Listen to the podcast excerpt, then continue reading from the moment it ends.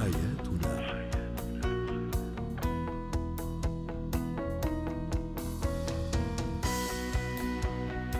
نجدد تحية لكل مستمعينا أنتم تستمعون لبرنامج حياتنا برنامجكم اليومي الذي يعنى بشؤون الأسرة وباقي الشؤون الحياتية الأخرى.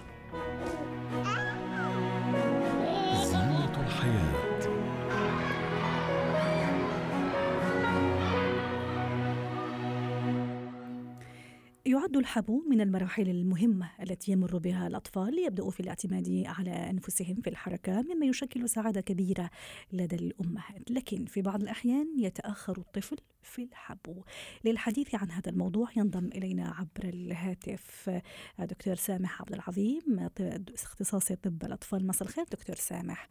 أول شيء ما هي فوائد الحبو بالنسبة للطفل؟ ولماذا يتأخر البعض عن الحبو بسم الله الرحمن الرحيم. هو طبعا الحبو هو علامة من آه، علامات النمو والتطور عند الأطفال. إحنا أول سنة بنقول إنها بتكون فترة غنية جدا للأطفال آه، بيبتدي الطفل يتطور حركة عن حركة. الأم بتشوف الطفل وبتعرف تطوره طبعا. الحبو هو أحد المراحل اللي بيوصل لها الطفل آه، في التحكم في عضلاته. يعني إحنا دايما بنقول للأم إن في كل شهر من شهور السنة الأولى بيبقى في علامة معينة بنتابعها. بيبدأ يتحكم في عضلات الرقبة عند شهرين بيبدأ يتحكم في عضلات الظهر عند أربع شهور يبدأ يقدر يتحكم في عضلات الحوض عند ست شهور. يبدأ الحبو أو مرحلة الحبو في وقت معين بعض الأطفال بتحبو بدري وبعض الأطفال بتحبو متأخر جدا. البداية بتكون من الشهر الثامن في الأغلب معظم الأطفال. والايديال أو بنقول ان هو السن الذهبي للحبو اللي هو التسع شهور. في بعض الأطفال بتهبي عند ثمانيه في بعض الأطفال بتتأخر نوعا ما للعاشر أو الشهر ال11 جميل. دكتور سامح لازم أنا هيئه لازم أنا أجهزه أبلش شوي شوي أخليه آه، يحبو ولا هو يعني كيف راح تكون الآلية؟ وبعدين هل لازم أتخوف إذا طفلي ما بلش يعمل هذا أو يدخل في هذه المرحلة المهمة من حياته؟ بالطبع هو عموما إحنا في الأول في أول سنة من عمر الطفل طبعا إحنا بننبه على الأمهات إن الزيارة بتكون دورية لطبيب الأطفال بشكل دوري آه، في الأول بنخليها في مواعيد التطعيمات بعدها بنخليها كل شهرين بحيث إن هو الطبيب بيتابع مع الام مراحل تطور الطفل. طبعا الطفل إذا اتأخر في الحبو بشكل معين بيكون اتأخر في علامات قبل الحبو نفسه ما بيكونش هو ما بيعملش كل الحركات وبعدين بيجي عند الحبو بيتأخر لأ بيكون في تأخر في بعض حركات التطور والنمو بتاعته وطبعا إحنا زي ما أنا قلت الحبو هو جزء بس من التطور إحنا عندنا علامات حركية وعلامات عقلية في أول سنة بالطبيعة طبعا الأم مباشرة إذا لاحظت تأخر في أي حركة من الحركات دي ومن ضمنها الحب ولازم بتتوجه للطبيب علشان يقيم الطفل ويشوف هل في تأخر ولا لا. مساعدة الأم لطفلها هو الحقيقة متى لازم أبلش أقلق دكتور سامح ابتداء من أي شهر؟ هو الحقيقة زي ما إحنا قلنا إحنا التأخر في الحب ممكن يفضل لحد الشهر العاشر وال11 وبشكل طبيعي. أيوة. وفي أطفال بتعمل حاجة غريبة جدا الأمهات طبعا إحنا بنشوفها في ممارستنا اليومية بعض الأطفال ما بتحبيش وبتبدأ تقف مباشرة صح. وتمشي. صحيح. تمام؟ آه صحيح. يعني بعض الاطفال إحنا عندنا في معتقدات في بعض المعتقدات ما أدري إذا صح ولا لا إنه البنت آه، يعني تبلش تمشي قبل الولد أو تبلش تحبو قبل الولد. هل هذا صحيح يعني طبيا وعلميا ولا ما في شيء أثبت هو هذا؟ هو الموضوع بيبقى خاضع لبعض العمليات الفسيولوجية داخل داخل جسم الطفل في توزيع الكالسيوم وانتشاره. يعني بعض الأطفال دايما حتى إحنا بنقول للامهات أحيانا بعض الأطفال بتسنن وتطلع أسنان بدري شوية فبتتأخر في الحبو لأن الجسم بيكون عامل shifting للكالسيوم ناحية الأسنان. بعض الأطفال بتتأخر في الأسنان لكن بتحبو بدري لأن بيحصل ال shift بتاع الكالسيوم ناحية العظام. فهي عملية balance متبادل ما بين الحاجتين. لازم إحنا بنتابع الموضوع بشكل متكامل. مفيش نظرة آه، أحادية بس للحبو كحركة بيعملها الطفل. جميل. و... والفرق بين ال... ال... الذكر والأنثى ما فيش فروق معينة بين الذكر والأنثى في العلم. يعني هي مجرد اعتقادات. معتقدات. أيوه. طيب موضوع اللي كنت احكي فيه قبل شوي دكتور سامح الأطفال اللي ما اللي ما يحبوا ابدا يعني مباشرة يعني يبلش يمشي. كيف ممكن نفسر هذه هذه الظاهرة وكيف؟ أول حاجة أول حاجة تفسيرها علميا هو الأمر بيكون الطفل كاسل من الطفل. يعني هو الطفل عنده القابلية إن هو يحبو أو يستخدم عضلات الظهر ولكن بيبقى في آه، ممكن وزن الطفل زايد عن اللازم شوية ففي ثقل بشكل أو بآخر. فالأم بتبدأ تمسك الطفل الطفل بيقف. يبدأ الطفل يقف ويبدأ يخطي خطوتين. فالأم بتيجي قلقانة الطفل ما حباش. مشى مباشرة. لا ما دام الطفل عمل الحركة المتقدمة عن الحبو اذا الأمر طبيعي وما فيهوش أي قلق اطلاقا. ممتاز. آه، في بعض الأطفال أيضا دكتور سامح إذا يعني أنا أصريت عليه وحطيته في وضعية الحبو حتى يبلش يحبو يبلش يبكي يعني يرفض. آه، كيف أتصرف؟ هل إني لازم أتبع معه أركز ولا لا؟ يعني أخليه على هواه. بلاش بلاش. إحنا ما ننصحش الأم تعمل كده لأن أنت ممكن يكون الطفل لسه مش قادر وما عندوش القدرة إن هو جسمه يتحمل عضلاته تتحمل الحبو في الوقت الحالي فهو مش قادر فبيبكي هو هي حركة آه لا إرادية بتتم آه مجرد ما بيحصل آه التطور أو التقدم ده أنت بتفاجئ طفلك بيبدأ يقلب من بطنه لظهره بيبدأ يتحرك. هو انت هتلاحظيها. فهي دي ممارسات الطفل سبحان الله بتتم فطريا. مش محتاجة تدريب أو شيء. يمكن التدريب اللي بنتكلم عليه هو المشي. إن أنا مثلا بقول للأم مشيه وقفيه أو آه، آه، خليه مشاية بحيث يبدأ يستخدم رجليه. لكن الحبو نفسه هي عملية فطرية تماما. نعم. آه، دكتور سامح أيضا في بعض الأطفال هو يعني يحبو ممكن يزحف وممكن يرجع يحبو لورا. هل هذا شيء أيضا طبيعي وأخليه على راحته؟ هو الحقيقة برضو ده طبيعي جدا بعض الأطفال بتبدأ الحبو لورا وبعدين تطلع لقدام بعض الأطفال بتحبي على بطنها الأول وبعدين تبدأ تستخدم إيديها آه، فهي كلها ممارسات للطفل في بداية الحبو ما فيش منها أي ضرر ولا مشكلة اطلاقا ما دام الطفل بدأ يعمل الحركة نفسها. نعم. حتى نختم دكتور سامح آه، اللي آه، عندها ابنها متأخر في الحبو شو ممكن رسالتنا للأمهات؟ هو الحقيقة طبعا المفترض إن ما بنوصلش لمرحلة التأخر في الحبو الأم بتكون خلال أول سنة متابعة طفلها دوريا مع طبيب الأطفال. آه، بيتابع تطور الطفل عقليا وحركيا وبيكون متابع حركاته.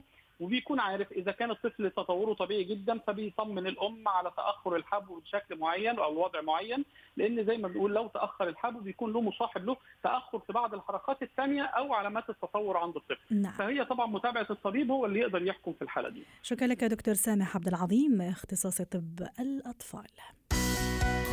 جمالك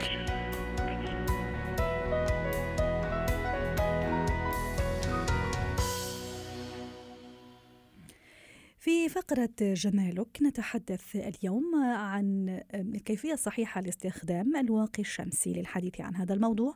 تنضم إلينا عبر الهاتف اختصاصية الأمراض الجلدية والتجميل دكتورة شادن ناجي. مساء الخير دكتورة شادن.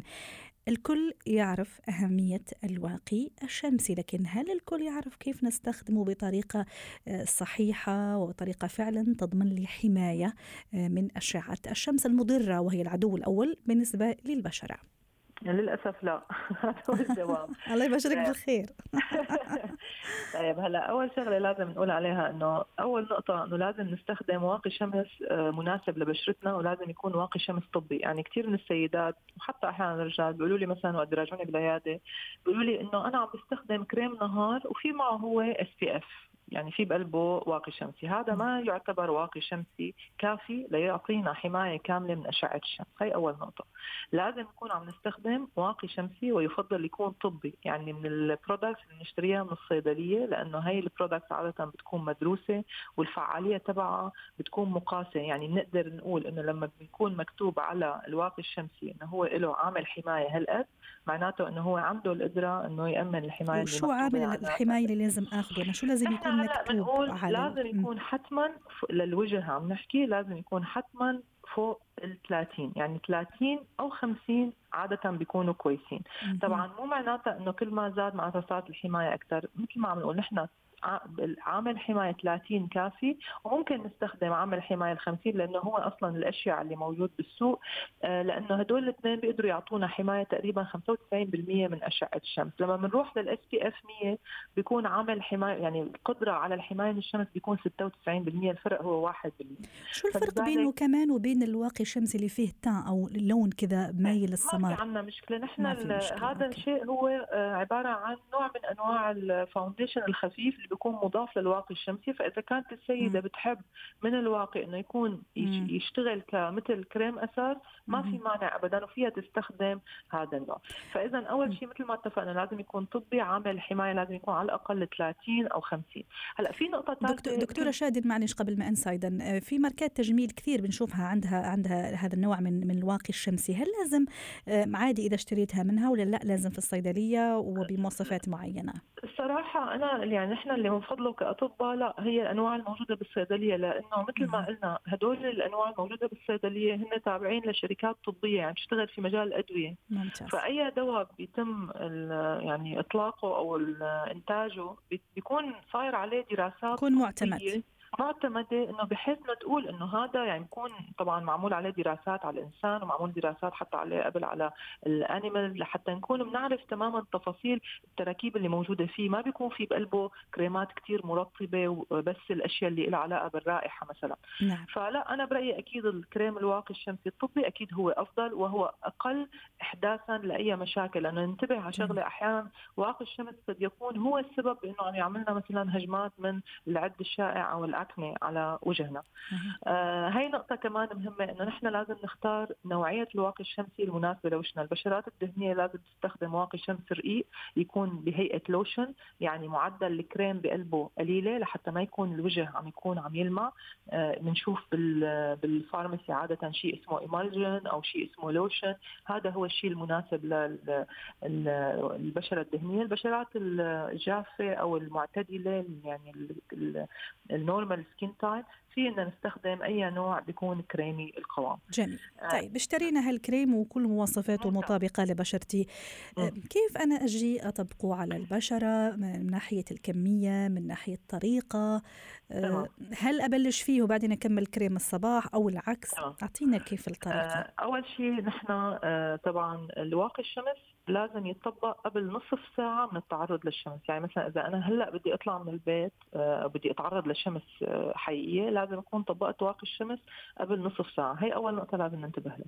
ثاني نقطة واللي هي كثير مهمة واقي الشمس هو آخر مرحلة بالبرنامج الصباحي لبرنامج الكريمات.